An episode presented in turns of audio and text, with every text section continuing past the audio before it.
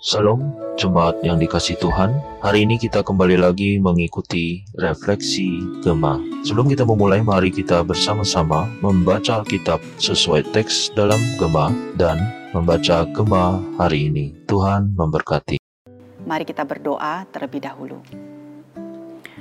Tuhan, terima kasih untuk kesempatan yang kau berikan bagi kami. Kami boleh membaca dan saat ini kami akan merenungkan firman-Mu. Kami mohon Tuhan memberikan kami pengertian dan Tuhan kiranya juga menolong kami untuk bisa melakukan apa yang menjadi firman-Mu yang kami baca dan kami renungkan pada saat ini. Berkati setiap kami Tuhan. Dalam namamu kami sudah berdoa. Amin. Refleksi gema kita hari ini terambil dari satu Tawarikh pasal yang ke-9.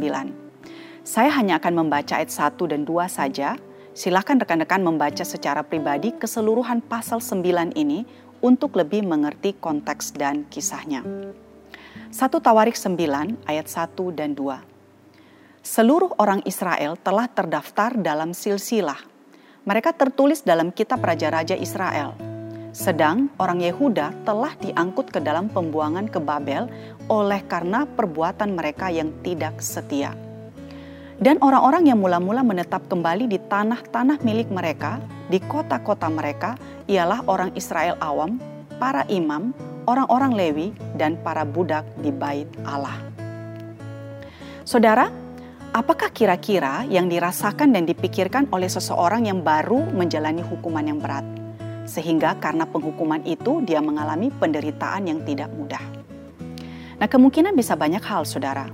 Mungkin bingung, mungkin bertanya akan banyak hal, atau merasa kepahitan, mungkin juga tidak tahu lagi akan identitas dirinya, merasa tidak berdaya, atau mungkin mempertanyakan akan kebaikan dan kasih Tuhan. Nah mulai dari pasal 1 di kitab Tawarikh ini, kita sudah membaca daftar silsilah dari bangsa Israel. Dan pasal 9 ini, saudara, merupakan pasal terakhir dari daftar silsilah yang dicatat di dalam kitab Tawarikh. Setelah masa 70 tahun dibuang dan menjadi budak, maka mereka yang masih hidup saudara dibawa kembali pulang ke tanah kelahirannya atau kembali ke kampung halaman mereka. Nah sebagai bangsa yang sudah dihukum, sudah dibuang, dan menjadi budak selama 70 tahun, tentu generasi yang masih hidup yang pulang kembali ke tanah kelahiran atau tanah orang tua mereka ini sebagian bertanya-tanya, mengapa Allah membuang mereka? Nah di dalam ayat 1 dijelaskan alasannya saudara. Karena ketidaksetiaan mereka kepada Allah. Nah saudara, kesetiaan dan ketidaksetiaan adalah sesuatu yang sangat serius di mata Allah. Setelah sejarah yang panjang berkali-kali dan tidak terhitung Tuhan menegur dan mengingatkan bangsa Israel. Akhirnya Allah menghukum mereka karena ketidaksetiaan mereka kepadanya. Nah bagi mereka yang pulang kembali Mengetahui hal ini adalah sesuatu yang sangat penting, supaya mereka tidak mengulang kembali kesalahan yang sama yang sudah diperbuat oleh nenek moyang mereka itu. Nah, saudara, untuk apakah pendataan terhadap orang-orang yang pulang dari pembuangan ini dibuat?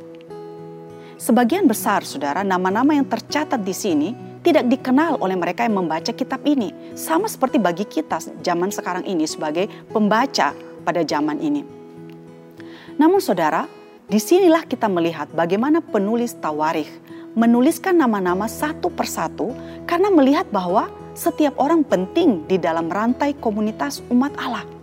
Terlepas dari mereka terkenal atau tidak, orang awam, imam atau lewi, nama-nama mereka dicatat di dalam kitab Raja-Raja Israel. Dan menarik sekali saudara, di dalam pasal ini kita melihat nama-nama mereka dicatat dengan tugas mereka.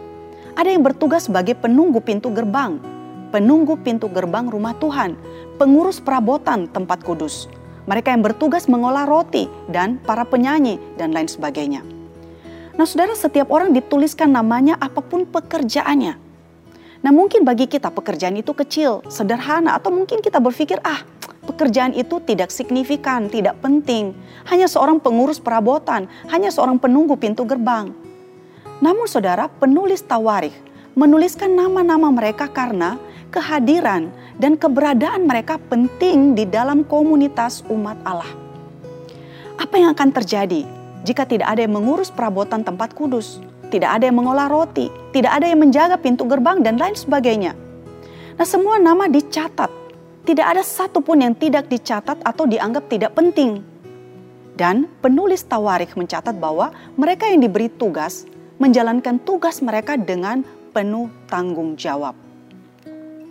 Nah, saudara, pencatatan nama-nama satu persatu di sini juga dimaksudkan untuk mengingatkan mereka kembali akan identitas mereka sebagai umat pilihan Allah. Nah, saudara, sebagai umat Allah, identitas kita adalah di dalam Tuhan. Ketika kita percaya, Allah memberikan identitas yang baru kepada kita.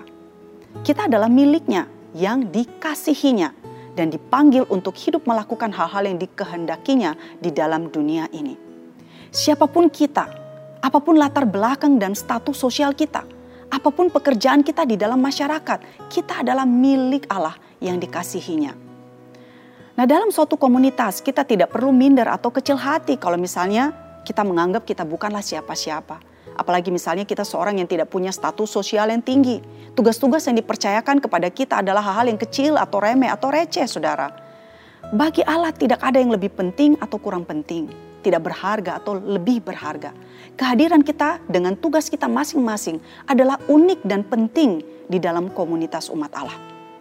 Kita dipanggil untuk hidup menjalankan identitas baru kita dan menjalankan apa yang menjadi tugas yang dia berikan kepada kita di mana pun kita berada.